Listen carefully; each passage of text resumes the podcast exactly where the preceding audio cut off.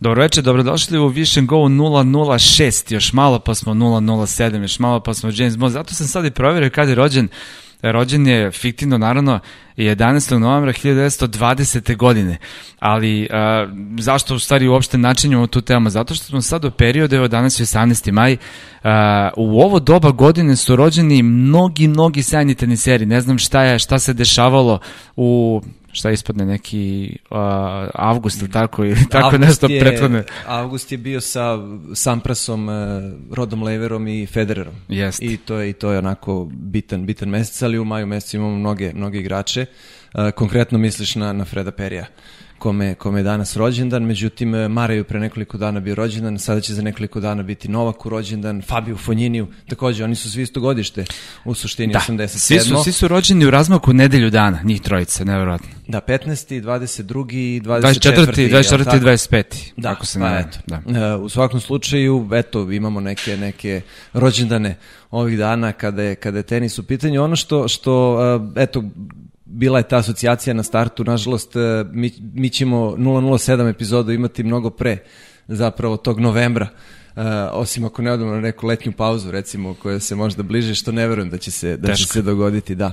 Šalim se naravno, uh, tako da, eto, 18. maj, veliki Fred Perry, osvajač da trostruki Wimbledon. Šta misliš, da li on, da li on više poznat uh, po, po brendu ovaj, po majicama. Tako je, ili, ili po rezultatima, jer oni mlađi ljubitelji tenisa ne znaju možda, ali on je prvi čovek koji je uzeo Grand Slam, koji je uzeo sva četiri turnira. Uh, sredinom 30. godina prošlog veka. Uh, što su posle njega uradili još samo sedmorica ovih tenisera. O, zapravo šestorica i, i, I da, tako je.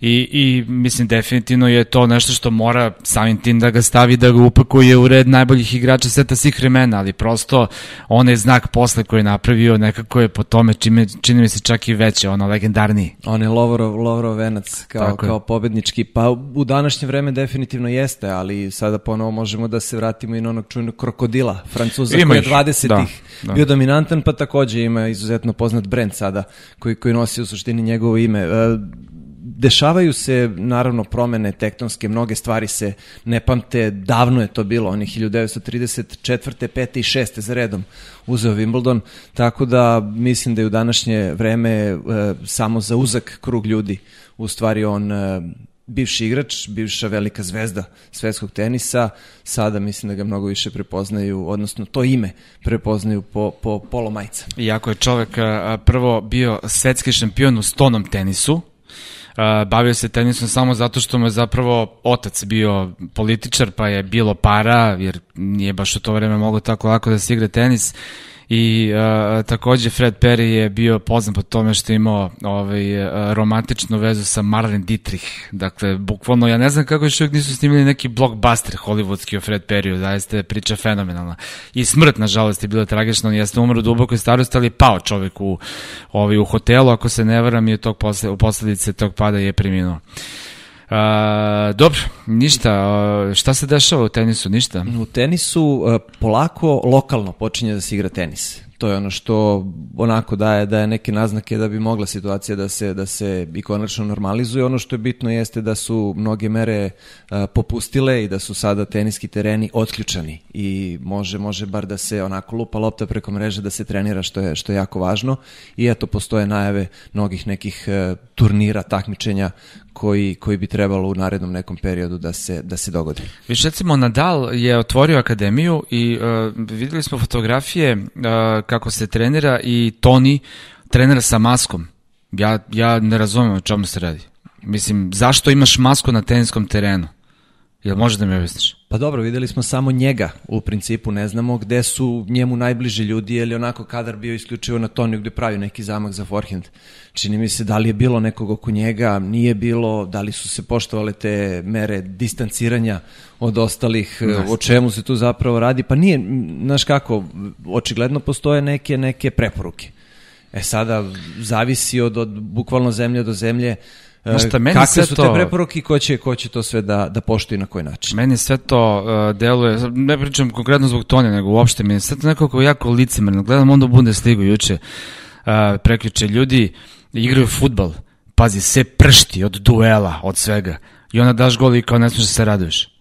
Pa mislim, u čemu je to? Stvarno, ti, ti neki dvostruki aršini, to neko, ta opet E, politička korektnost, ja zaista više ne znam dok, dokle to ide, pa koliko ne znam, to ne ali, ali ne znam da li si primetio, mislim, konstantno je sve ovo, sada možda onako mnogo širu temu otvaramo, sve je podređeno tim nekim e, dvostrukim pravilima. Pa da. I zapravo mi nemamo konačnu istinu, mi ne znamo ništa šta se, šta se dešavalo, je li tako? U, idemo, uh, ili je bilo, emisija postaje je na, na, na. Da, ili je bilo bezopasno, ili je bilo smrtonosno, ili, mislim, potpuno su kontradiktorne informacije oko svega. Yes bile. Jest. I onda tu jednostavno u mutnom ne možeš ni ti da doneseš neki pravi zaključak i nema razloga sada otvarati te, te uh, teme. Jeste potpuno čudno da, da, da ljudi su tu u duel igri, u, u, u futbolu i onda kao pa nema šta se desi? Pa da.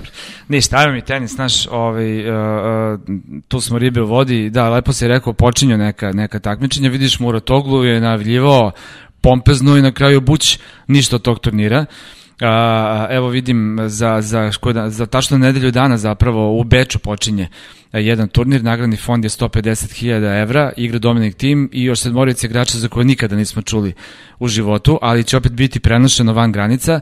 I evo zapravo možemo da iskoristimo priliku da najavimo onako dosta ovaj, ekskluzivno da će u sledeću subotu na Kalemegdanu u organizaciji sport kluba biti odigran jedan humanitarni turnir na kome će igrati Filip Krejnović, Laslo Đere, Damir Džumhur i Marko Miladinović. To je jedino ime za koje možda niste čuli. Marko je perspektivni srpski igrač. Igraće se polufinale i finale do četiri osvojena gema u, u, u dva dobijena seta bez razlike. Dakle, sve će biti spakovano jedan dan. Ovako jedna fina a, ovaj, a, manifestacija humanitarnog karaktera. Dakle, pobednik će a, moći milion dinara da ovaj, uh, uh, da odredi naravno kome će ići taj, taj novac i uh, to će biti dobra prilika za same igrače, naravno to je njima jako važno za same igrače da odigraju, evo ti ja smo bili kod Peca Pre Đukića, neki dan na Đukiću, da. Igrali su dubl i sa koliko su samo žara i nekoliko su se žele svi tenis. Uh, ali to je to je neverovatno. Dakle sada da da eto onako okupili su se u klubu i, i napravili neku svoju ligu. Bilo je bilo je četiri dubla i oni su među sobom igrali kao da da da igraju ne znam ja Pa da. Bukvalno Grand Slam. Pa to da. je to je taj pristup. Posebno me posebno me Džumi oduševio. Isto, kod njega isti. nema ne, ne neverovatno kod njega nema izgubljene lopte. Znači ne. na sve trči, ne, ne razmišlja uopšte, samo samo ide i ima ima zapravo taj taj instinkt i i potpuno isti pristup ima kao kad igra ozbiljan takmičarski meč i dubliće u klubu onako iz iz pa šale recimo Uh, naravno posle posle onako bilo i neko interesantno druženje, ali To ne znam, jer smo otišli pre i dalje, to misterije da li je bio uh, roštilj. Pa ništa, moramo onda moramo onda Kontića da iskritikujemo, sporo je palio vatru za roštilj. Da. Da, da ali Džumi, Džumi se pristup... čak više više trudi od na tom tu ovaj turniru nekim mečevima na ATP-u. Pa pristup očigledno je, očigledno je da mu da. da mu nedostaje takmičenje, jer jer bitno je da se nešto odigra, bitno je da da da imaš protivnika i bitno je da da da se sa njim onako na, nadigravaš i to je to je ono što je što je suštini mnogo lepo u stvari. Meni je baš onako bilo, bilo interesantno da, da sve to vidim, taj pristup Jeste. u stvari igrača. Uh, biće, uh, evo ajde, mislim, to, to nije tajna, naravno više može da se priča, to se najavljuje na uh, Tipsarović akademiji na Olimpod na Zvezdari bi trebalo 15. juna da počne jedno ozbiljno, ozbiljno, jako ozbiljno takmičenje sa vrhunskim teniserima, ne samo iz Srbije, nego iz regiona, pa boga mi i znatno šire. Tu se sada postavlja taj problem samo granica i kako, ali kako stvari stoje, čini mi se da tu ovaj, neće biti problema i da će uh, taj, ta liga, zapravo to nije turnir, trajeće mesec i po dana, ta liga će imati status maltene turnire serije 500, ne maltene nego zaista ako bude sve kako je zamišljeno, mnogi ozbiljni, ozbiljni igrači će doći u Beograd da igraju uh, ovaj taj turnir, ali ajde dok ne bude sve tu potpuno ovaj, jasno šta se dešava, nećemo ni, ni, ni da pričamo. Da, krčka se, krčka se i eto, trebalo bi uskoro da bude sve naravno organizacijono gotovo i, i ako se desi, a sva je šansa da će se desiti, jer, jer jako malo stvari još ostalo da se poklopi, bit će zaista fantastično. Generalno tenis ponovo su produžili tako rok za, za pa 1. avgust, dana, tako, da, da. 31. juli. Čini mi se bio je 13. juli, da. što opet meni onako kod njih malo smeta iz tog razloga što, što pominjao sam već nekoliko puta, e, pa i u ovoj emisiji, e, pristup je kao na turniru kada pada kiša i onda zna se da, da pljušti kiša taj ceo dan, a oni na posat odlažu meč. Pa jasno je da, da od toga nema ništa, ali dobro moraju da podgrevaju, znaš, ne mogu sada da kažu, kao i mi kad najavljamo sledeći meč će biti za pola sata, znamo pa da, da već za tačno. pola sata, ali moramo da držimo ljude onako malo spremne, ali vidi, a, a, po, postoje sada te neke, neke informacije koje dolaze ovaj, da, da a, a, VTA recimo obećava da će biti dosta turnira do kraja godine, što je naravno sjajna stvar, jako dobar znak, i uh, automatski i onako neki nagovešte da bi uh, i u ATP-u mogli da čekamo nešto slično. Mada ja mislim da tu ima dosta velike razlike zato što VTA i ATP su dve vrlo različite organizacije, o tome ćemo na kraju kraja pričati malo kasnije zato što je centralna tema ove emisije zapravo ženski tenis ali uh, uh, mnogo je kompleksnija situacija u ATP-u i tamo dok se dogovoriš dok prođe sve filtre, dok prođe sve, sva mišljenja koja su važne i koje su potrebne da se čuju, mnogo je teško nešto, nešto organizovati. Na VT je to dosta jednostavnije, tamo prosto odlučuju dva čoveka, sednu i kažu, e, takva takva stvar, igramo to, to i to i gotova priča. Tako da, dakle, VTA do kraja godine se nadamo da će biti jedno 18-20 turnira sigurno odigranih minimum, što je jako dobar nagovešte. Naravno da će ipak biti tenisa do kraja 2020. Ozbiljno dobar nagovešte i sada bez obzira i na, i na liste, i na bodove, i na šta ja znam, osvajanje titula i tako dalje, bitno je igrati tenis na, na, na svim nivoima.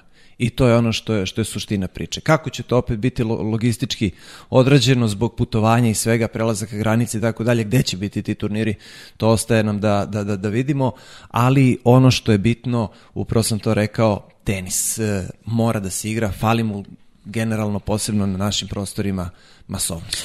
I bez publike, što je svakako neće biti ni blizu doživljaj kakav, kakav želimo, kakav volimo, naravno, evo, ajde sad Pa može se uporediti sa futbolom. Gledati futbol bez navijača zaista nešto, to je potpuno kao jelo bez soli, ali uh, i tenis će imati tako, tako neki, neki osjećaj, ali kao što si rekao, zaista je bitno da krene, da, da se zakotrlja, pa da prosto krenemo. I sada mnogi igrači kažu ne, kao to ne valja, kao bez uh, ove publike nećemo da igramo, mislim da je to potpuno bez veze. Ti majstore moraš da igraš tenis, uh, na kraju krajeva jako si uh, uh, veliki egoista i sebičan ako kaže da neće da, da igraš bez publike. A šta je sa milionima ljudi koji žele da gledaju ne tebe, nego bilo koji tenis? Preko televizije. Preko televizije, naravno. I, i, I veliki deo u stvari navijača i gleda tenis na taj način. Pa naravno. Mali broj, mali procenat, ako govorimo upravo o tim nekim statističkim stvarima i, i o postocima, mali procenat e, zaista i ide po turnirima i, i, i gleda sa lica mesta uživo, uživo meče. Mnogo više ljudi gleda preko TV. I sad eto, e, kad kažemo igrači koji se najviše bune zbog toga, recimo Kirios je najglasniji, stalno njega pominjemo i zapravo mene nervira što njega stalno pominjemo, jer to on želi Mislim da je čak i neki naš gledalac pitao da li bi uh, Kirios prestao uh, da se toliko ovaj, uh, onako uh, uh, prosto pojavljuje u medijima na bilo koji način kada bi prestala da mu se posvećuje pažnja. Verovatno da. Ali kako? Zato što je on sada došao do tog statusa da sve što uradi je jako interesantno medijima, a zaista radi stvari koje su koje nemoguće ovaj, onako ignorisati. Kada pijan sediš i pričaš sa Andy Marem ovaj, preko Instagram live-a i kažeš to što kažeš, onda prosto tome mora da se posveti pažnje. Pa sada si me podsjetio, u, u Montrealu prošle godine on je pijan bio svako veče e, na, na turniru, ozbiljno. Ide, ide gore gde, gde onaj bar i, i, i pivo pije. I zaista je bilo onako bez veze gledati igrača koji je u turniru, koji je onako malo, ok, ne bulja, nije, nije baš preterivao, možda u to, tim momentima neke rane, rane večeri, ali, ali definitivno nije, nije ok kada se, kada se to desi. E sad, da li je to e, nešto što govori kakav je Kirios ili je to samo dobro e, osmišljena PR kampanja koja će skrenuti reflektore ka njemu? Ja mislim da je on takav, ja mislim da je on prosto takav, da to nije sada neka mašinerija koja stoji za njega i da na taj način treba da se pravi novac, ja mislim da je dečko prosto takav, on je jako specifičan i a, on sa jedne strane jeste zaista nenormalno i bolesno iskren, što se meni na neki način i dopada. I sad je recimo, o, sad je ponovo prozvao ovaj, i Federera i Nadala i Đoković je rekao ajmo momci, ajmo Instagram live da budemo iskreni kao potpuno, znaš. Jeste, i, pričao je i o Cicipasu iz Verevu kako se ne podnose i pričao je o e, e raznoraznim e, ali vidi, to što je rekao, njegovih kolega. To što je rekao za Cicipasa iz Vereva, Pazi, to jeste iskreno i kao neko će da kaže koliko je čovjek iskren, takve nam trebaju. Ali kako možeš ti, ti da iznosiš uh, prlja veš u javnost čoveka koga smatra svojim prijateljem? Jer oni Cicipas su kao prijatelji i vole se. I sad on pred cijelim svetom kaže kako se Cicipas iz Erve mrze. Pa šta će Cicipas na to da kaže? Kad reći će, aj majstore malo gledaj svoje dvorište, nemoj da pričaš o meni više. A da ne pričamo o čujnoj sceni sa Vavrikom i tako dalje da se ne Pa to sam rekao da o aferama kolega i koleginica svojih. E, dakle, šta hoću da kažem? On može da, da, da priča o svima negativno, ili kako god mu padne na pamet, a ako neko njega iskritikuje, e onda pa kao kako to smeš, pa to nije u redu, ja sam samo iskren i ne znam nija šta. Pa čekaj, ali ako si takav, onda je valjda u redu i da uh, može da prihvatiš ako kritiku. i da primiš. Da prihvatiš kritiku na, na, na svoj račun. Tako da mislim da to nije, nije okej, okay, ali zašto sam rekao ovo, da li je dobro osmišljena PR kampanja gde bi on dobio, ne znam, neku svoju publiku? Definitivno ljudima, uh, mada sada je opet to tema za sebe, prija skandal i žele da vide skandal. Zašto je to tako, ne znam, neću da, da, da uopšte ulazim u tu priču, ali skandal mora da se, mora da se napravi. Volimo skandale. E sad, zamisli recimo uh, Dončića u NBA-u da se ofarbu zeleno i da počne da pravi gluposti da li bi bio mnogo interesantniji uh, od, eto, samo još jednog belca iz Evrope koji lepo igra košarku? Pa dobro, mislim da mora da se poklope sve stvari, znaš, e, to neko ili može da iznese ili ne može da iznese, ili si klovn Tako ili je. prosto Kirius je takav kakav jeste, ali kažem, mislim da je problem u ljudima koji njemu baš zbog toga daju tu pažnju i čak ga potpaljuju. Recimo Ben Rottenberg, ovi čuveni nazovi novinar jo, koga sada... on je, joj, pa on, on, on kreira skandal, on je jako Čovek kvaren. Je, evo, evo, e, ajde sad da iskoristimo za ljudi koji ne znaju, dakle, koji su sad mogli da čitaju ponovo Bena Rottenberga, koji je krenuo da pljuje i Novaka, naravno Novaka ne podnosi, ali još mnoge teniseri i tako dalje. On je iz New York Timesa, on je čovek koji a, a, je instruiran da pravi skandale. Znači, njemu su njegove novine rekle, majstore, kopaj po, po e, prljavštini i to izbacuj. I on je čovek, mali, sitan čovek, uh, koji se time hrani i koji to voli da radi. Uh, jedna njuška koju gledamo često na, na mislim, i ti putuješ ja putujem tim turnirima. Dobro, kažem jednu mnogo onako grublju, još goro grublju, da. Ja sam pomislio da li ovo možda, ali nije, ali zaista mislim onako, kad ga vidiš čovjek, vidiš koliko je, koliko je to, ali ajde sad da ne ulazimo to. Rđav je, jednostavno rđav je. I on pozove Kiriosa u svoj podcast i tu ga otvori zato što Kiriusu ovako treba samo da mu nešto kažeš i sad to i, i, i eto na taj način recimo Ben Rottenberg pravi sebi veliku veliku reklamu i ovaj uh, sve to nekako upotpunjuje jedno drugo to je prosto krug. Da i dado smo mi ovu pažnju Kiriosu jako govorimo stalno Dobro. da ne treba ali jednostavno mora mora da se da se onako ogoli situacija i da se da se ispriča onako kako jeste. Suština, imaš pravo na svoje mišljenje, imaš pravo to da uradiš, često pređeš granice lepog ponašanja, ali ako je tako, onda moraš da prihvatiš i kritiku na svoj račun ako ti neko, pa čak i dobronamerno nešto kaže, ali jednostavno takav je i to je to. Ja volim da zezam, ali isto tako ako mene neko zeza dobra fora, ja obožavam to da mi majke mi to tako mi baš svi sam znaš. To je okej, okay, ali izvini, sad samo još jedna stvar. Sad, sad moram nešto da kažem u odbranu Kiriosu. Ono što on radi na terenu, i isključivo je vezano za tenis, ne govorim sada o, o, o ponašanju van terena, pa nekim skandalima čak i koji su se dešavali tokom meča u Cincinnati kad izlazio sa, sa terena, lomio stolici i tako dalje.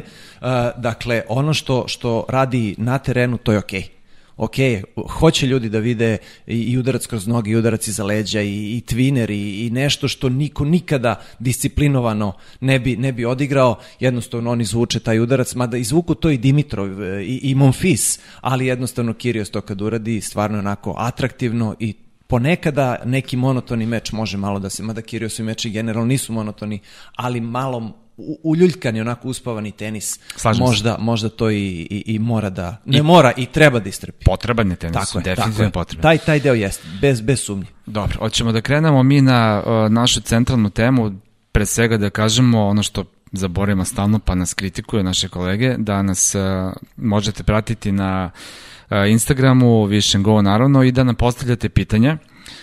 Preko YouTube-a, može i preko Instagrama, naravno, trudit ćemo se da dogovorimo na ta pitanja i danas ćemo na kraju emisije jedan uh, segment posvetiti da, tim odgovorima. Da, i sada si mi dao dobar, dobar šlagvort. Uh, evo, mi prihvatamo kritiku uh, i meni se čak čini da je bila to onako dobronamerna sugestija naših gledalaca, ali eto, zadesila se serija da smo baš dosta pričali o, o slabo rangiranim igračima i, i onima koji teško žive i nisu, nisu prvih sto i uh, eto, jednostavno na, namestilo se, ali naravno moramo i taj, i taj deo uh, priče da, da uh, ispričamo u suštini i, i sad ću reći jednu anegdotu koja ajde manje više vezana sa tim i sa nekim našim temama, jer e, od starta smo krenuli da, da eto, žalimo se kako nema tenisa, kako to nije ok, tako dalje i ja krećem na snimanje i klinci moji kući uh, imitiraju sada nas dvojicu, kaže, dobar dan, mi smo Wish and Go i opet ćemo danas da plačemo nad sudbinom Wimbledona.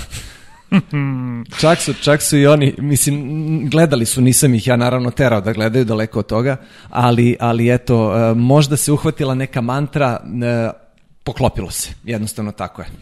Andrej, Marko, danas nećemo da pričamo o Wimbledonu, nego ćemo pričamo, da pričamo o jednom uh, jako bitnom segmentu, naravno, kad kažem ženski tenis, ne mislim konkretno ženski tenis, nego zašto je ženski tenis trenutno u dubokoj i debeloj senci muškog tenisa. Znači, jedna jako onako kompleksna tema. Jeste. Uh, uključit ćemo malo i uh, jednu našu tenisarku, Ninu Stojanović, jedina trenutno srpkinja koji je prvi sto uh, na svetu i sa njom ćemo malo da popričamo, ali ajde da damo neki uvode, dakle, uh, kada krenemo, kada bi onako načeli tu temu, da li bi mogli da prosto izbacimo nekoliko ključnih razloga zašto je to trenutno tako? Ja bih u startu i ti si to malo čas jako lepo primetio, ogradio se od te političke korektnosti.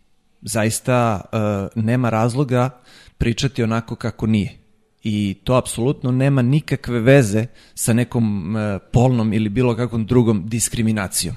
Uh, jednostavno uh, postoji veliki zjap u kvalitetu muškog i ženskog tenisa. Postoje dve različite firme za koje igračici i igrači rade u suštini, odnosno njihove matične organizacije i uh, postoji nedostatak i postoji nedostatak uh, mega zvezde. Jer uh, tu je Serena, jer tu je Serena i, i, i ona već, pa koliko, 20 i kusur godina je tu.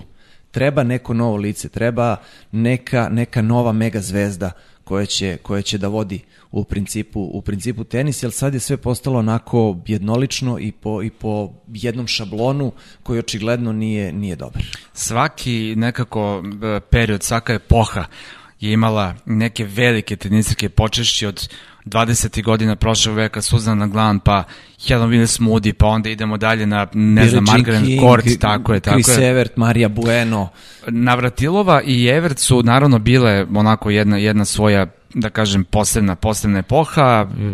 Da, dobro, i Marija Bueno, pa si imao Štefi Graf, Moniku Seleš. Kasnije, a tako pazi, je, da. A pazi, u toj generaciji si imao i Rancho Sanchez, koja je bila fantastična. Gabi Sabatini. Sabatini, Martina Hingis, pa Mary Pierce, je li tako? Mary Pierce, Mary Pierce da, molim, nju da zaboraviš. Da ne zaboravimo. I onda imamo sestre Williams i to je zapravo kraj. Dakle, Šarapova, ajde, možemo sad da se koljemo da li ona može da se tretira kao toliko velika tenisirka, dakle, e, naravno u kategoriji ovih koje smo malo čas pominjali. Ali hoću da kažem, uh, epoha se stara Williams je zapravo završena. One jesu i dalje aktivne, ali više nisu tenisarke koje osvajaju turnire. Serena je kada, no Venus i ne pamtim, a Serena je poslednji put osvajala Australiju 2017. godine. Da, pa i Venus je, Venus je pre par godina igrala finale jeste, Wimbledona, jeste. tako od Kerbere, čini tako mi se izgubila, je li tako? Tako bilo? je, tako je. Ali uh, uh, ovo više nije njihove epoha. Znači, ovo je epoha u kojoj nema mega zvezda, tako? Tako je. Poslednjih uh, 13 Grand Slamova osvojilo 11 različitih tenisarki Samo su Simona Halep i uh, Naomi Osaka po dva puta uzele Grand Slam, a u istom tom periodu, naravno, kod muškaraca samo trojice. Dakle, to nam jasno govori da trenutno u svetskom tenisu ženskom ne postoji mega zvezda, što je jako, jako važno, neophodno, jer kada i, i Serena bude prestala da igra tenis, onda je apsolutno nula, onako kada je pitanju ovaj, ta situacija. Ali vidiš, i tu sada ima kontraargument uh, u, korist, u korist dama. Uh, mnogo je bolje raspoređen njihov tenis i mnogo su neizvesni Grand Slamovi. Tako Kod je. muškaraca se zna šta je i to je to, nema nekih pretrano velikih iznenađenja. Ali. I to bi trebalo da donese publiku, je li ali, tako? Ali, uh, to nam govori istorija, da kada je takva izjednačenost, da onda popularnost tenisa pada. Uzmi muški tenis, početkom ovog milenijuma, kada si imao sličnu situaciju kao sada u ženskom tenisu kad si imao mnoge tenisere koji su smenjivali na prvom mestu ATP liste kao što je sada na VT listi. Znači imao si Rodika, Safina, Hewita, Kafenikova, Riosa i tako dalje. Svi su oni bili prvi na svetu u jednom trenutku, svi su osvajali Grand Slamova osim Riosa, da. ali Uh, u tom trenutku svetski tenis je bio na najnižoj grani. Uh, mnogo niže uh, nego, nego kada su Sampras i Agassi imali svoju eru, da ne pričam naravno onima pre toga i pre, e, nakon toga su naravno došli ovi Federer i tako dalje, ali dakle taj period to je bila ta rupa u kojoj muški tenis bio u situaciji kao što je sada ženski, što nam govori da uh, publika generalno više voli kada imaš mega, mega zvezde i te velike harizme koji odlučuju međusobno ko će da uzme turnir, nego kada od 10 igrača imaš, ne znam, od, od, od, od toliko igrača imaš desetoricu, desetoro koji mogu da osvoje. Koji svi mogu da uzmu Grand Slam. To, je, to jeste i, i to, je, to je onako vrlo, vrlo dobra sada priča uh, koju, si, koju si pokrenuo. Uh, međutim, i ono, to je, to je čini mi se u psihologiji mase, publike. Uh, ili si za favorita, ili si za underdoga. I uglavnom, posebno u Americi, underdog je neko ko, ko je onako mnogo više uh, poštovan i, i voljen sa tribina i na kraju krajeva mnogo se onako glasnije i navija za, za tog nekog ko, ko bi eventualno mogao da iznenadi uh, favorita. Ali potpuno si u pravu. Jednostavno ta, ta, ta uh, uh, pa zasićenost na neki način i nedostatak neke velike zvezde u ženskom tenisu donose problem. Naravno, jer zašto? Uh, uh, teniseri su uh, brendovi i donose gomilu para. Znači, kada bi sada stavili na gomilu novac koji, recimo, samo ova trojica, Đoković, Federer i Nadal, donose televizijama, sponsorima i tako dalje, od toga se zavrti bukvalno mozak. Kod devojaka toga nema. I automatski manje sponzora, manje interesovanja, takođe manje gledanost. BBC je pravio neku analizu od pre nekoliko godina, dakle nije najnovija, ali mislim da se nije mnogo toga promenilo. U toku te jedne godine muški tenis je imao gledanost od 973 miliona, a ženski 395 miliona. Znači, dakle, puta, skoro tri skoro puta, puta manje je ženski tenis bio gledaniji nego muški. A naravno, To je isključivo zato što nema dovoljno interesovanja da se gleda ženski tenis. E sad, vidi ovako, uh, u principu složili smo se oko toga da, da nema mega zvezde. To je samo jedan segment u priči o uh, ženskom tenisu uh, i nije samo to isključivi razlog zašto, zašto nije to sve onako na, na, na nekom nivou na kome bi u suštini trebalo da bude. Pričamo sada, odnosno pokušavam da načnem tu priču o novcu i zaista već e, dugi niz godina traje borba za, za dame da, da dobiju adekvatan prize money koji im na kraju krajeva i pripada. I to nije ništa sporno, jer Chris Evert već pomenuta je za, za jednu uh, titulu na Australian Openu u jednom momentu dobila kao prize, ne prize money, nije bilo novca, nagradu je dobila kišobran. Dakle, dakle, mnogo je ženski tenis napredovao. Vidi, kišobran na Wimbledonu, kad uđeš u šop, uopšte nije. Košta, koliko, 100 funtaća? Nije 100, ali je, imaš jezivo. Imaš one, one velike su, ja mislim, 40 funti, pa oni manji su nešto manje. Pa eto, e, šalu, šalu na stranu, e, treba dame da budu plaćene, to uopšte nije sporno, ali ne znam po kom osnovu pokušavaju da e, se izjednače i vraćamo se opet na tu političku konkretnost, ne znam zašto hoće da se izjednače odnosno sa lošim argumentima hoće da se izjednače sa, sa, sa muškarcima. VTA znači razloga, radi loš da, posao, misliš? Mislim da radi loš posao zato što su na pogrešnu stranu okrenuli, e pa i mi igramo tenis i mi hoćemo da zaradimo. Prva i osnovna stvar, to je ko kad bi ti ja sada otišli kod našeg direktora i rekli, e mi sad hoćemo platu kao, kao naš kolega na BBC-u ili na ESPN-u koje su višestruko ja neću. Ja veće, neće, ne, ti okej, okay. okay. izvini, onda nisam znao. E onda bi nam on rekao, pa dobro, pa idi na BBC, nije problem nikakav, da. jel tako? Ne, znam, da, ja, Dakle, ja. ATP, VTA, različite organizacije na Grand Slamovima su izjednačene uh, nagrade, jel tako?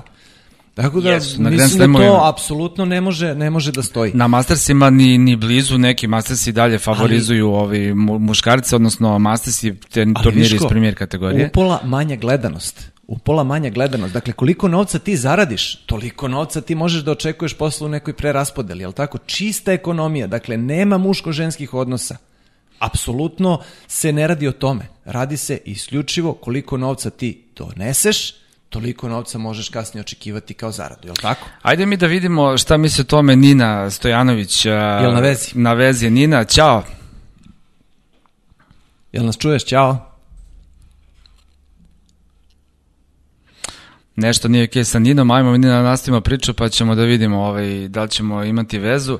E, da, e, e, sve to što si rekao stoji, ali isto tako je javna tajna šta muškarci većinom mišle o ženskom tenisu. Dakle, da se ne lažemo. Neki teniseri vrlo jasno i eksplicitno zapravo iznose svoj stav o ženskom tenisu i zbog toga budu uglavnom razapeti ovaj, pogotovo naravno od strane tenisarki, ali a, njihovi argumenti su da ne mogu biti a, jednako plaćeni kao devojke s obzirom na količinu truda koji se uloži na mečevima. Oni igraju dva dobijena seta, njihovi mečevi su uglavnom jednostrani, Dakle, ženski meč vrlo često traje po 45 minuta jer se završi veoma često 6-1, 6-2 i tako dalje i tako dalje, ali naravno sa druge strane zaboravlja se jedan jako bitan trenutak, a to je da treba doći dotle da su familije uložile toliko truda, energije, novca i tako dalje, potpuno isti put. Nema imaju, razlike. Nema razlike. Nema razlike. Devojke, dečaci, da dođu dotle gde su došli do vrha, tu zaista nema apsolutno nikakve razlike i zaista po meni onda nije fair da se na taj način onda da se sve to što se desilo izbriše i da kao sad samo gledamo ti si odigrala meč o finale Grand Slama 45 minuta ja sam igrao 5 sati i treba da budem isto plaćen. To je nebitno. To, to, to, nije, to nije argument koji, koji stoji po mom mišljenju uopšte, zato što su i, i to što ti kažeš, i, i devojke treniraju i igraju i apsolutno su spremne da igraju 5-6 sati meč, to, to nije pod znakom pitanja i one mogu da igraju na 3 seta, na kraju krajeva pa završni turnir sezone se u nekom periodu od tamo sredine 80-ih do, do 98. 9. igrao na, na tri dobijena seta, je li tako bilo? Jedno vreme, da. E, da. da, mislim da razdoblje nekih 15 godina u principu. Dakle, dakle čak su se dame i pobunile, uh, naravno najglasnije je bila Serena Williams, koja ja mislim je spremna da igra 10 setova, a ne 5. Uh, u svakom slučaju to je onako glupa, glupa stvar koja, koja može da se potegne da, da one ne, ne mogu fizički da, da igraju. Mogu i tekako i to uopšte nije, nije pod znakom pitanja. Da, i pomenuo si taj završni turnir, eto recimo to je e, dobar argument da se uh, da kritika VTA organizaciji koja je recimo dozvolila da se zbog novca taj završni turnir igra u Istanbulu jedno vreme. Turci su pljunuli gomilu para i doveli najbolje igračice i ono je bilo pretužno. Dakle, pred 30 gledalaca su igrale najbolje tenisarke sveta u nekoj dvorani. Čak se Turci nisu potrudili da, da bar napune tribine na neki način na foru sa decom, sa kako god, znaš, da, da, da, da daju, da teraju ljude, da plaćaju ljude da, da uđe u dvoranu. To je totalna antipropaganda tenisa i na taj način ženski tenis se naravno strašno srozava dole. Za to vreme u Londonu u odva ovako ludilo, a u Istanbulu ništa. I tu dolazimo do uh, još jedne stvari, a to je sam kvalitet ženskog tenisa. Odnosno, koliko je to postalo uh, koliko toliko nezanimljivo u suštini, uh, zato što, zato što uh, nije problem ni da žene igraju na tri seta, ali ko bi gledao taj meč? Besomučno prebacivanje lopte s jedne na drugu stranu mreže. To je ono što smo pričali. Ti si pomenuo i, i, i Eru Sestara Williams. Izvini. Morezmo, Enan, potpuno van šablona. Tako je, Klajster se tako da. da. Uh, Nina, se čujemo sada. Ćao. Ćao, ja tebi jako slabo čujem. Ivana čujem mnogo bolje. Mene slabo čuješ, Ivana čuješ bolje. Pa Mora evo. da priđe mikrofonu. Evo, evo, dakle, upravo pričamo o toj političkoj korektnosti i nekorektnosti i odmah smo došli do te teme. Šalim se, Nina, kako si?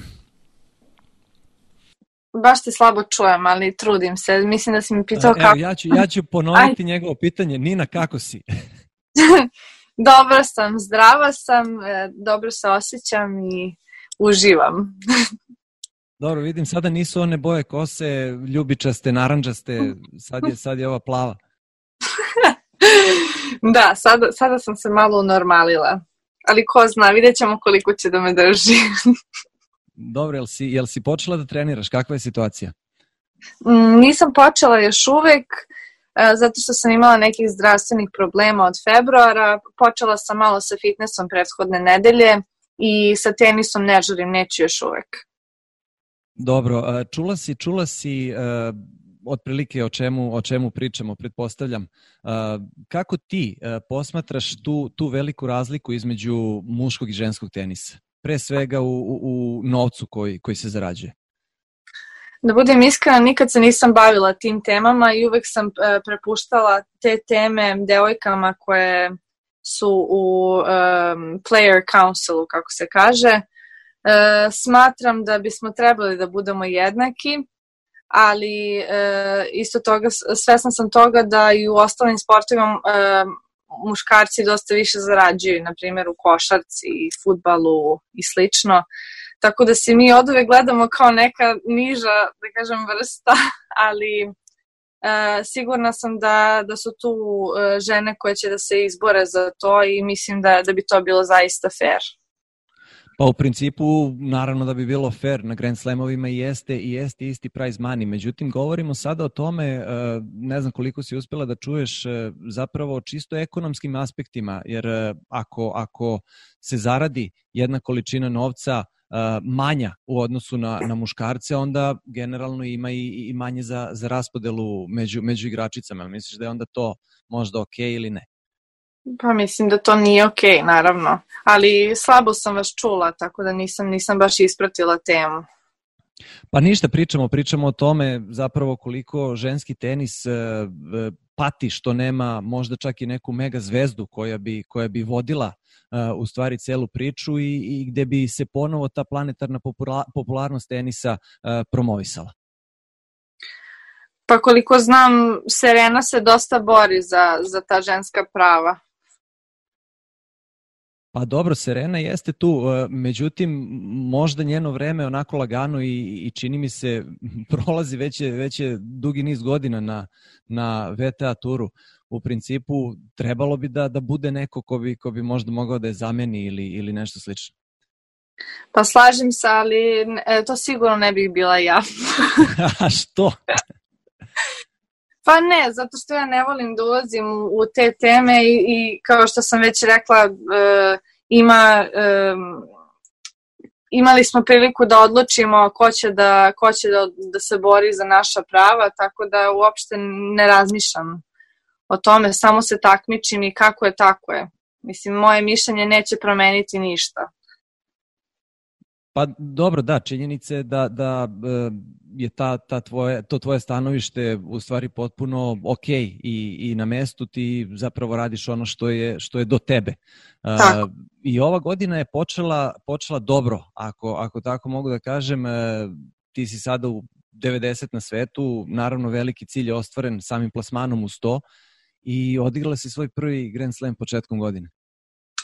Jeste, bila sam jako uzbuđena zbog prvog glavnog glavnog turnira u singlu Grand Slama, Grand Slama nisam imala baš sreću u žebu, a, izgubila sam od Pavličenkove, ali sam uživala na terenu, ne mogu da kažem da nisam, iako, iako sam izgubila i svakako jedno iskustvo više i toliko sam se radovala novim glavnim turnirima ove godine i evo kako se sve ovo izdešavalo, žao mi je naravno, ali e, napunila sam dosta energije, dok sam odmarala, tako da vidjet ćemo kako će odluku da napravi VTA za naredne turnire i, i radujem se, ali mogu reći da mi je nekako ova godina propala zato što sam e, došla tu gde jesam sa rangom i žao mi je zato što sam imala priliku da igram glavne žebove ove godine. A je li imaš možda neki, neki nagoveštaj kako bi eventualno sezona mogla u nastavku da izgleda? Sada definitivno znamo da do 31. jula zapravo nema tenisa. Da, da, e, obavešteni smo da je ITF pomerio pauzu do 31. jula, e, što, što će meni dobro doći i nadam se da ću do tada već e, ući u teniski ritam A da li će se ta pauza pro, produžiti, ja ne znam, ali moj osjećaj mi kaže da hoće. Ako do polovine juna otvore granice, moj neki plan je da odem za Španiju i da nastavim sa pripremama, ali ne žurim. Kaži Nini da, je, da je se zahvaljujem i da je puno pozdravljam. Evo, Viško ti, je, Viško ti je rekao da ti se zahvaljuje da te puno pozdravlja. Ne znam da li si ga čula.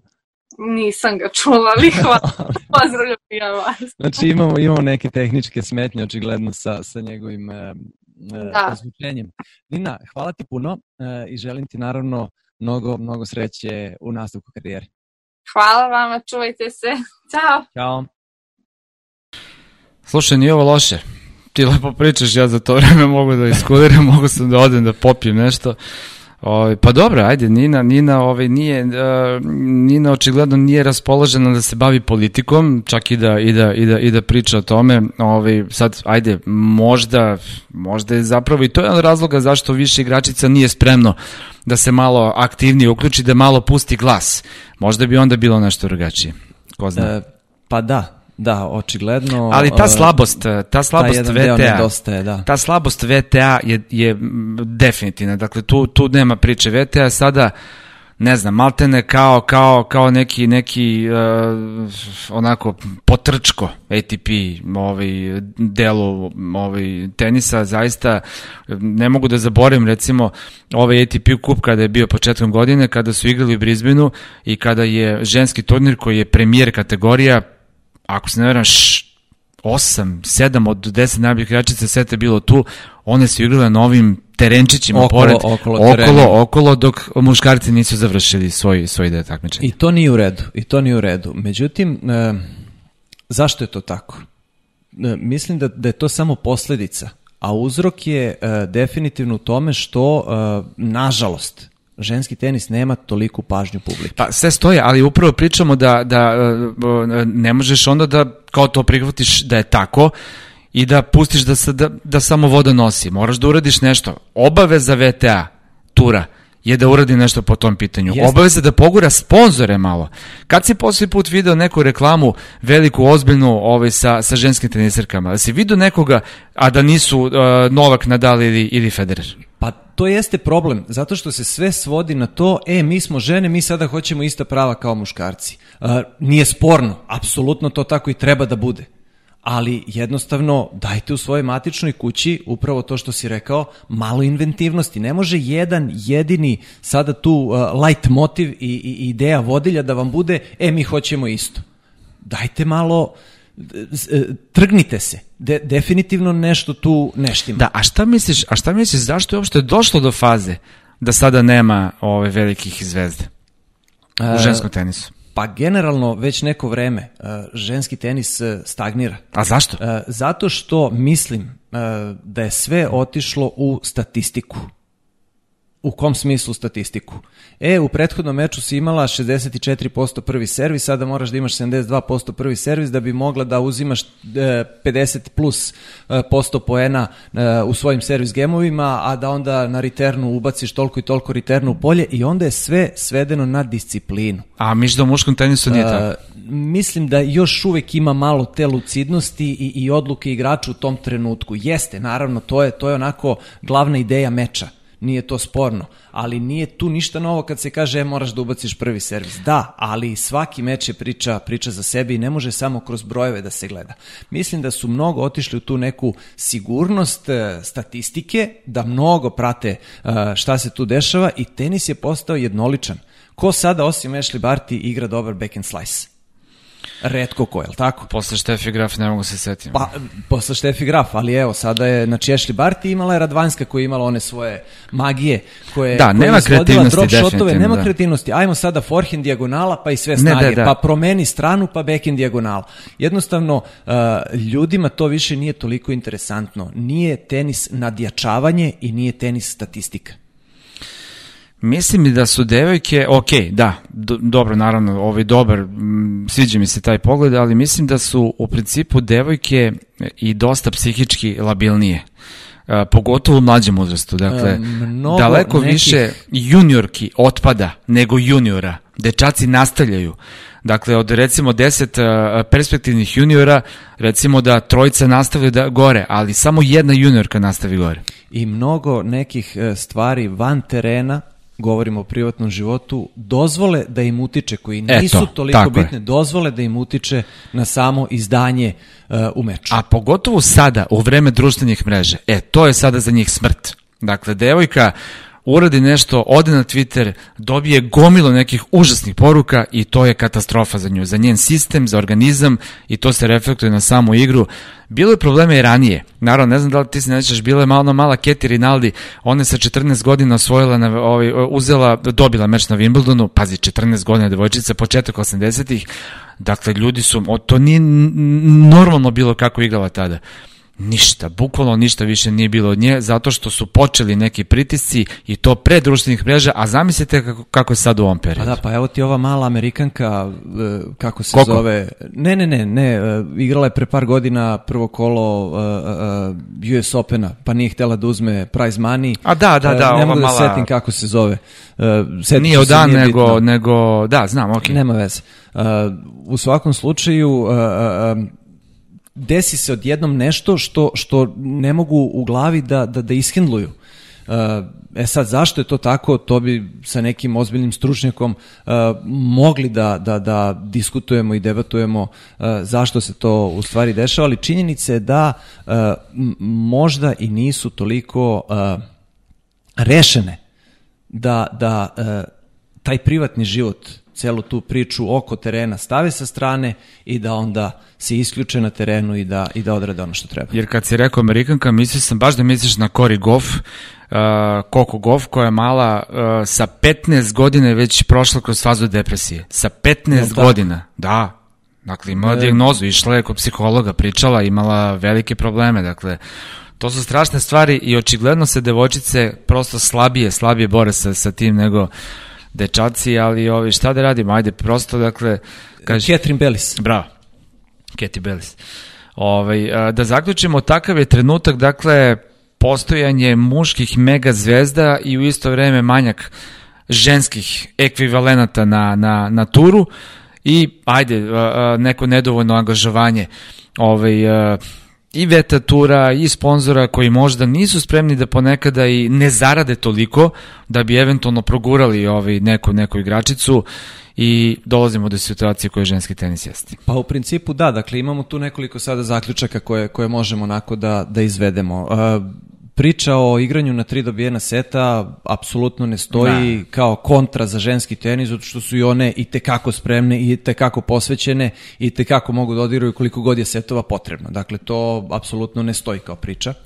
Uh, sa druge strane, rade za dve različite firme, taj ekonomski aspekt uh, mislim da bi mogao malo onako bolje da se sagleda u tom nekom smislu u kom si, u kom si rekao da uh, mora malo drugačije da, da se sam nastup prema gledaocima uh, hendluje i da se da se odradi.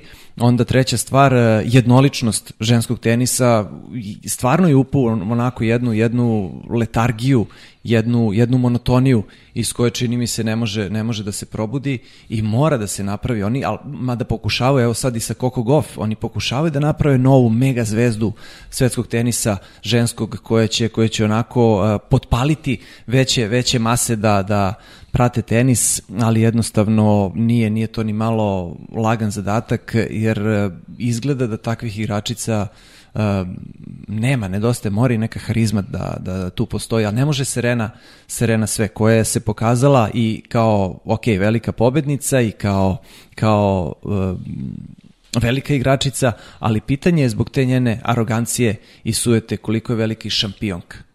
To je druga Kad tema. Kad kažeš šampion, to je onako mnogo šire i na terenu i u životu. To je druga tema. Dobro. O, ništa. Ajmo, ovaj, naravno, pišite na vaše, vaše stavove, ovaj, baš ne zanima šta vi mislite o ne samo ovoj temi, nego i o svim kojim, kojih se dotičemo. E, ajmo da, da pređemo na zanimljivosti. Ja bih sada predložio da vidimo jednu uh, fotografiju koja je vrlo interesantna koju je izbacio pre izvesnog vremena jedan čovek na, na, na Twitteru i a, napisao je u opisu te fotografije kako unucima da objasnim da je Đoković dobio ove mečeve. I to je meni fenomenalno. Pogledaj ovo. Imamo četiri uh, screenshota, četiri rezultata sa četiri velika, velika, važna teniska meča koje je Đoković dobio. Ajmo da krenemo redom. Gornji levi ugao. US Open, Novakova ona dijagonala, svemirska, na meč loptu kada mu je ovaj servirao slajd široko. 2011. Uh, i posle toga je Federer rekao... Lucky shot laki shot, zažmuriš, opališ i kao šta ti Bog da. Pa da, ono 40-30 šta je bilo, oni gurnu onaj forehand, ruka se, ruka se stegla, Tako mislim da je po širini išao, išao u mrežu, napoj, mrežu. Jel mreža? U mrežu, u mrežu. Da, tačno znam da se baš toliko se stego da je jedva došao do mreže. Da, ono rukica drhti. Tako je, i to Novak okreće. Onda idemo gornji desni ugao, Đoković Nadal, to je ono legendarno finale od strane Opena, jedan od najboljih finalnih mečeva gde nema u istoriji tenisa, nema dileme. Tako je kada su sedeli. I tako je, 5 sati i 53 minute traje meč i kod ovog rezultata 4-2 za Nadala i 30-15 Nadal je imao takav zicer na bekendu potpuno otvoreno paralelu oko servis uh, polja, tražio challenge, promašuje možda za centimetar, da je to otišao na 40-15, boga mi zaista ne znam kako bi se završao. Ali vidi sad, to bi bilo vrlo interesantno izvući statistiku koliko je u stvari Nadal uh, uspešan u osvajanju svojih gemova kada ima 30-15. Ja mislim da je to neki, neki sumanut procenat uh, uzetih gemova. Pa verovatno je preko 95%. I to je opet, i posebno recimo, kada da. Federer ima da. recimo 40-15 u svom da. gemu, koliko gemova je uzeo. To je, to je sumanuto i, i to je ono kosmička verotnoća u stvari da se, da se preokrene. Uh, ajmo kad se već pomenuo to, Federer 40-15, idemo odmah ispod fotografija. To je to. to je najsvežiji meč. Najsvežiji meč finala Wimbledona prošle uh, godine, uh, 40-15 i uh, opet se slice, Rogeru stegla, široko. malo se stegla ruka, ona prva propuštena meč lopte i onda drugi, onaj Đoković je opet passing ona, kratka, što je prošao. Kratka dijagonala. Tako je. I onda na kraju Novak dobije 13-12, mada je meni tu i dalje osnovna asocijacija ona dama koja pokazuje on jedan prst, znaš ona koja još jedan poen treba da se osvoji. Posle bile fotomontaže kako je Đoković odgovarao, znaš, ali dobro, nije važno. I levo, da, odatle imamo Đoković Nadal. Uh, isto Wimbledon. Isto Wimbledon, to je polofinale 2018. godine, to je bio neverovatan meč. To je prekinuto, ako se sećaš, u petak zbog mraka, uh, zapravo zbog uh, policijskog časa. časa.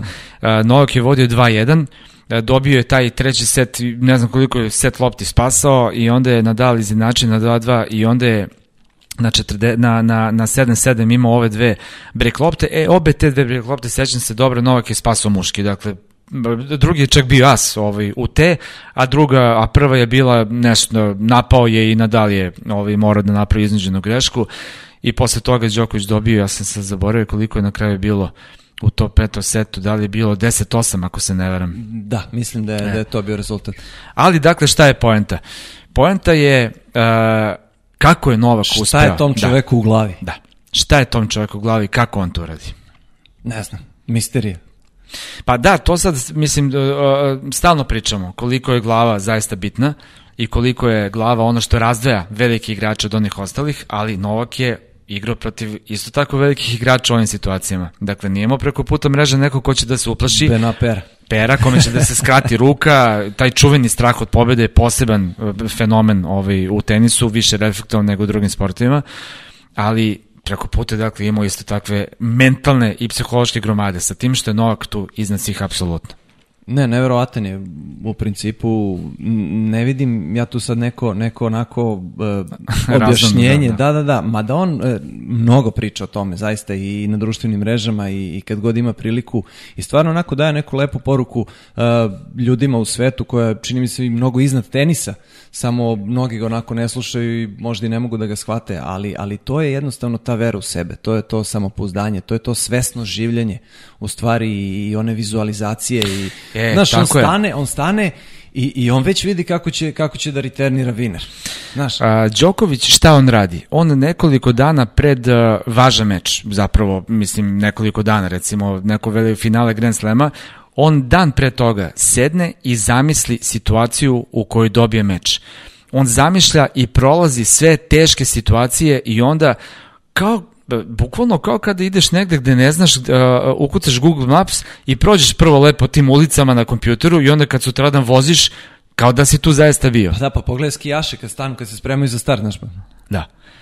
Oni bukvalno... Vozači, da, realisti, znaš, to je... Novak bukvalno preć prođe kroz te situacije. Ima tu još raznih trikova, ta, ta mentalna priprema i na treningu kako se pristupa i razne još neke stvari postoje, ali dakle on je prosto to neko mental, tu neku mentalnu pripremu pred meč doveo do savršenstva, a to mu strašno pomaže u tim najtežim trenucima samom meču, tako? I to je to. Da. I to je to i, i eto, proniknu je u tajne uh, te, te, te mentalne snage, nekog, nekog privlačenja pozitivne energije, da. kako god to da, da zovemo, definitivno postoji. Da. I, I Novak je to onako apsolvirao. E, ajmo sad da se malo ovaj, zabavimo. Uh, postoji jedan momak uh, koji se zove Andres Carrasco. Uh, Španac je, iz Barcelone je i on je uh, uh, po meni do savršenstva doveo imitiranje uh, svetskih uh, ovaj, najvećih tenisera. Uh, postavio to na Instagramu, tako da vole bi to sad da pogledamo, tako da uh, Andre Karasko, ako si spreman, idemo da, da vidimo kako, kako, to, kako to izgleda. Uh, prvo gledamo Novaka Đokovića.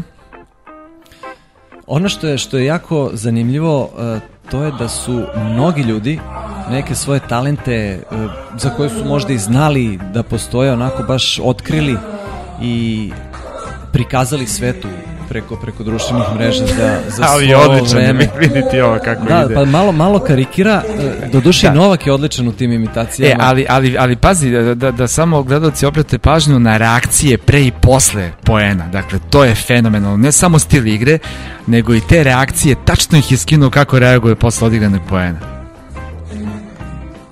Hoće Marev poen da traje duže, kao, kao što zna recimo Andy, znaš, Noreli od 43 udarca. Pa evo, evo ga. Evo, evo ga. to, to je ta radost. Fenomenalno, yes. da se drađe. Da, dolaze nakon nadmeno, znaš, gleda gde će servira. I onda džus polje, slice široko i onda nole returnir. Da, ma, malo su mu uh, pokreti spori nego u real time-u, pogotovo naravno zamah, udarac i tako dalje. A... Malo je ograničen prostorom, znaš, ne bi valjalo da, da, da udari ovako sveže gletovan zid. Vidio, vidi ovog pitbulla I, i već iskopo, i već iskopo rov, ono, iza, iza na osnovne linije. I na tepiku je napravio već rup. Ko, ko Jack Russell Terrier. Doduše Pitbull je Ferreru bio, bio kako je on, da, tako? kako je on kao pušač mogao da dođe dotle, to je neverovatno. Dakle, on je bio aktivni pušač tokom igračke karijere. Mnogi onako malo, znaš, ono, ovaj, povuku po koji dim, ali on je baš bio ekstreman. I gleda se kad se završi. Kao Dirk Hodorf. Uf, on je... Evo, vamos! Vidite, dobro, da, ima i ovaj, ovaj stav kada... A čekaj, čeka... će ono sa rukom da ide ono, da, da, da pozdravlja? Kako Mislim da neće. E, e, ali, ali pogledaj desni lakat gore kod forehanda, pogledaj. Isti, isti desni, i onda vuče kod backenda ono, ono rame, uvuče, evo ga. Da, da, da, da, da. e, ovo mi je omiljeni, ovo je favorit, gledaj ga. I posle kažu nešto za Nadala, pa pogledaj koliko je, koliko je rodik tih pomeranja majice, šorca, nameštanja, svega radio. Ali Andy je skinuo bukvalno savršeno, evo ga ali bukvalno savršen. Dobro, svako ima neku, neku onako svoju priču, u stvari neki svoj ritam, neki svoj način pripreme za poen. I to treba raditi. Rutinu, da, I to da, da, treba to raditi. Onako, uđe to je... automatizam, skrene misli, u, evo ga Kirio, spominjali smo ga. Mada Rodik je bio dobar, pun tako nekih detalja. Detalja, da, da, to A, tako nazovem. Kod Kiriosa sam očekivao da će možda da bude servis iz ruke, ali nije, odradio mu je ovaj normalan, običan servis. Da, ovo gurkanje backenda. Evo ga, e, imali smo kroz noge, to je to. Evo ga, tvoj pit. Ajde, ti si kompetentan. Ma bravo. To je to. Bravo, još, sa, još onako levom rukom kad malo krene za reketom na, na, na backendu, znaš. Ne ostane leva pozadi čovek sa najboljim forehandom ikada. Ali pogledaj ti, uh, e, mislim da, da ovo nije baš toko radio, da nije dizao, ne se da je dizao ovako nogu kod servisa. Za moju ne. Evo, pogledaj sad. Ovo se nećem da je baš toliko mm, moje radio, ali dobro. Pa dobro, malo karikira. Ali nije, vidi hvat, nije toliko. ali vidi hvat za servis. Hvat kao, kao Bera Sategije. Uf, on je jedinstven, Bera Sategije jedinstven, ali Ja tome ćemo da pričamo. Morat ćemo jedno. sada moju, e, zašto jedinstven Berasategi, samo da, da, da napomenu damo, zato što je istom, e, istim licim žica igrao i forehand i backhand. Ništa, evo ga, Carlos Moja, to je bio... A gde te to važa, nema, nema onu mrštavku sileđiku majicu. Da, da, da. Što je Nadal posle uzeo. Da. Andres, trademark. Andres Karasko je stvarno bio odličan i čekujemo, baš, baš bih volio da vidim nove njegove, njegove ovi, mogu bi neku devojku da, da, da uhvati, da izimitira, to bi bilo super. E sad, da, da li će to biti ok, da li će se Billie Jean King buniti? E pa da, i to što kažeš, sve, sve to može da se čekuje. Uh, ajmo da pređemo kroz pitanja gledalaca. Dobro. A, jesi, ili ih imaš tu? Jesi... Evo, otvorit ću. Ajde, okay, otvori da, pa da, pa da nije, prođemo kroz i da sa tim polako završamo ovu šestu epizodu. E, u svakom slučaju, da, hoću samo da iskoristim priliku da se zahvalim naravno gledalcima, da, da to onako mi rado pregledamo, pogledamo i iščitamo i i neke komentare, sugestije uh, i ispratimo i prihvatimo, tako da eto, izvinite ako smo mnogo o, o igračima slabo rangiranim uh, razgovarali. Dakle, uh, ovako, radi se o juniorima i to je, to je pitanje prvo, prvo za danas. Uh, komentar je dao sve o tenisu. Uh, rekli ste da posle Noleta niko neće pratiti tenis u Srbiji, pa mene zanima da li Srbija ima neke dobre juniore. Srbija ima dobre juniore definitivno, a, pogotovo se ističe ta generacija dečaka 2003. godine, koliko, dakle, oni sad imaju 17 godina, oni su momci zvanično, ako se ne varam, treći na svetu ekipno i drugi u Evropi, I tu imamo nekoliko imena koje moramo da izdvojimo, dakle Mali Hamad Međedović, Stefan Popović, Marko Topo, Petar Teodorović, to, to je ta generacija sa tim što tu dolaze još neki klinci koji su tu negde kao i oni, ali malo slabe situacije u ženskom tenisu.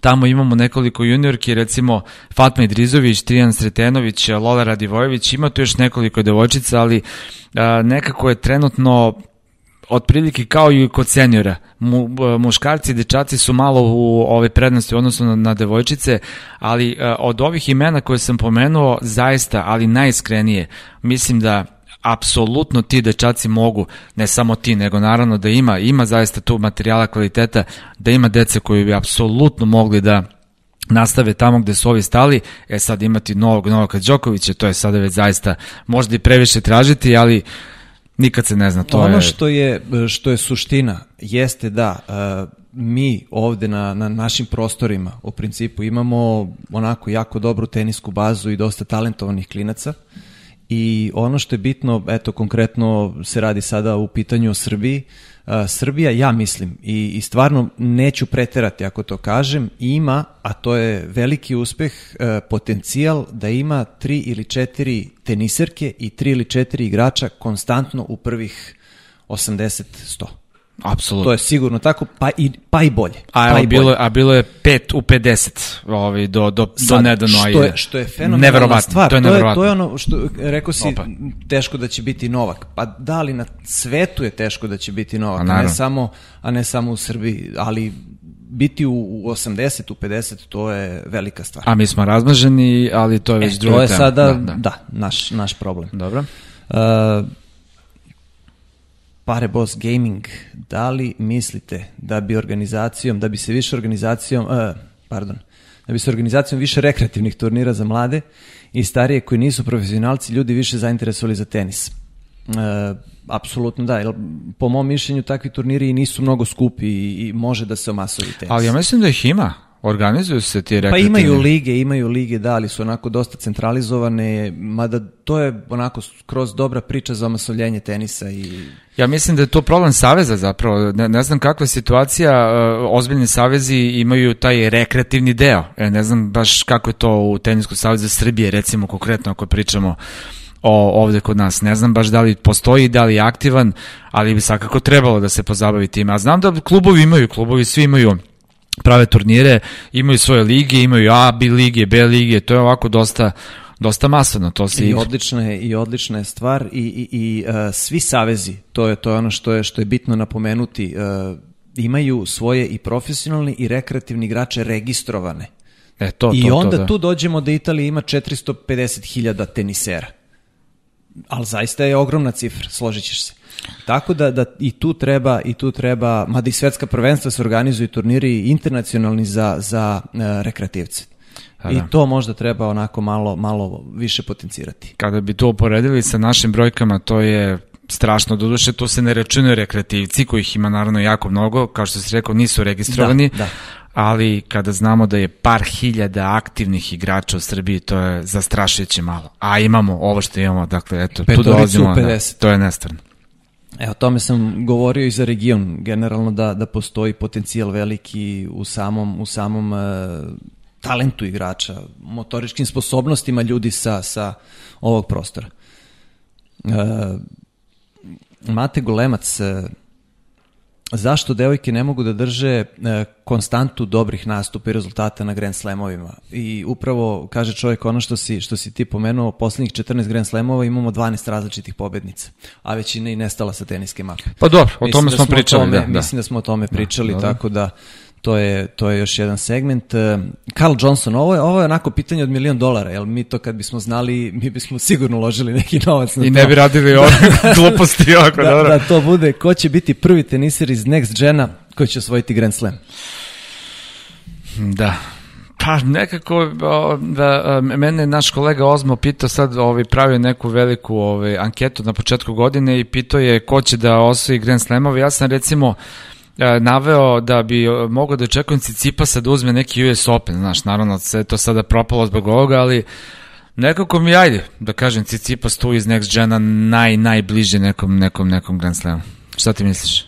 Pa, u principu, uh, po onome što je pokazao, da, ja sam, ja sam u startu hteo da tipujem na Zvereva, I to je ono što što u startu pre nego što je pokazao pre, godina, pre, pre nego što je pokazao da, da, da, koliko je labilan na velikim turnirima. Da, ono kad kad nije hteo da igra Milano. Uh -huh. Dakle, kada je to bilo 2018. recimo, pa, tako da. bilo. I meni on bio kao tu možda prvi koji bi mogao da se, da se umeša, međutim, e, kako vreme prolazi, od toga nema ništa. To smo isto mislili za Grigora Dimitrova, pa gde, gde je Griša sada? Daleko od toga da je to loša karijera, ali jednostavno možda nije u skladu sa, sa kapacitetom, tako da od mlađih igrača ja stvarno ne znam koga bih izabrao, ako nekoga moram, a ti si pikovao na to, na to, e, na trenutak e, inspiracije, da ne kažem ludila Stefanosa Cicipasa, ja recimo to mogu da kažem za Rubljova. Dobro. Na da. primjer, pa dobro, ono, to naš, to. Ni, okay. nijotkud odjednom se desi, da. naš, dođe mu da, da ispogađa one njegove forehande i to je to. Na kraju krajeva tako je dobio Federera u Cincinnati u prošle godine, je li tako bilo? E sad, da li to može duže da drži? Da li Medvedev može duže da drži? Evo viš, njega smo potpuno zaboravili, on je već igrao nismo finale, zaboravili, nismo. finale Grand I to je da, jedva nismo, izgubio to finale. Nismo tipovali na njega, da. pet setova je bilo, tako dalje, tako da ovo novo pitanje ja mislim da, da nema, da, da. nema onako nekog odgovora. E, slično, slično pitanje je postavio Radomir Jerenić. E, da li neko od klinaca može od velike trojke bilo šta, bilo šta da napravi. E, e onda Admir Hubanić kaže da nismo preporučili serije u prošloj, serije. U prošloj epizodi. Mm, serije, serije. Uh, ja bi ja bi ja, ja obožavam evropske serije i dalje sam i dalje binđujem evropske serije i uh, preporučio bi recimo sada dve skandinavske uh, Visting mislim da su obe norveške u stvari Visting onako jedna dobra krimi serija i Exit o četiri norveška milionera koji žive, tako da muškarci u krizi srednjih godina bolje možda da ne gledaju, znaš, ali odlično, mislim, bolesna je priča, ali treba gledati. Eto, eto recimo, ajde te da Dobro, sa serije i ja ću, ja ću jedan film, setio sam ga se, e, malo je, malo je stariji, mislim da iz 2017. godine ruski, ruska produkcija, dakle sada to ne zaostaje za Hollywoodom, e, legenda o kolovratu. Mislim da polako... Dakle, epska, epska drama. Znaš. Znam, pričao si mi o tome, polako uzimaš status ru, rusofila zbog pozdrava i zbog preporuka, ne, ja, polako, ali sigurno ja to ne kaže ne, kološu stvar, nego samo ne, kaže. Da, da. Ne, nek se, nek se jasno zna o, to, to opredeljenje. Dobro. Uh, I David Danilović kaže uh, da uh, bi volao da se mi pozabavimo malo temom dubla koji je, koji je onako dosta degradiran Absolut. i koliko je sve ovo značilo ili nije značilo što se igra sada uh, match tie break umesto odlučujućeg seta, koliko je značilo ili nije to što nema prednosti u gemovima i tako dalje.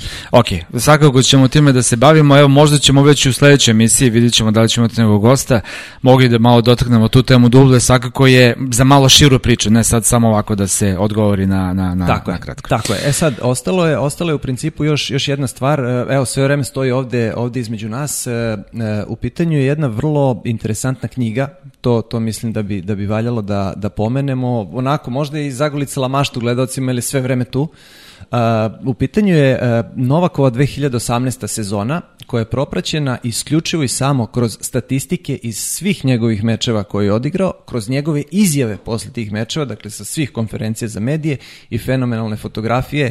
Dakle, ideja je da se kao sportski almanah izvuče jedna uh, strašna sezona pojedinca ili tima i da se onda kroz uh, ovakav način obradi dakle Novaka od 2018. konkretno, jer je krenuo praktično od nule posle operacije, pa nije išlo onako kako, kako je trebalo, da. pa je bio onaj čekinato na Roland Garrosu, pa je onda čovjek došao i osvojio Wimbledon i iz tog e, onako aspekta je e, ta sezona zaista posebna. Specifična za, je sezona. Za njega, svakako. specifična. I super da, knjiga, moram da, da kažem. Tako je, tako je. E, Project Rewind.info, sajt, sve informacije Ako vas zanima. tamo da se dobiju. Tako je. Uh, spasiba. Хорошо. Хорошо. Uh, imaš pozdrav za kraj? Uh, pa vratit ću se na, na našu književnost. Uh, I sada ću da kažem, razmišljao sam o tome, uh, dakle rečenica ide ovako, pazi sad pažljivo, uh, na uzbrdici koja vodi na Mejdan ležao je Alihođa i izdisao u kratkim trzajima. Dakle, ja pozdravljam sve one koji ovu rečenicu znaju da smeste tamo gde pripada voda, voda, voda. I tako Daješ asocijacije. A, ja pozdravljam svima koji, uh, sve koji je uh, u tegli Eurokrema prvo napadno ono belo. Vidimo dobro. se sledeće nedelje. Svako dobro, čao. čao.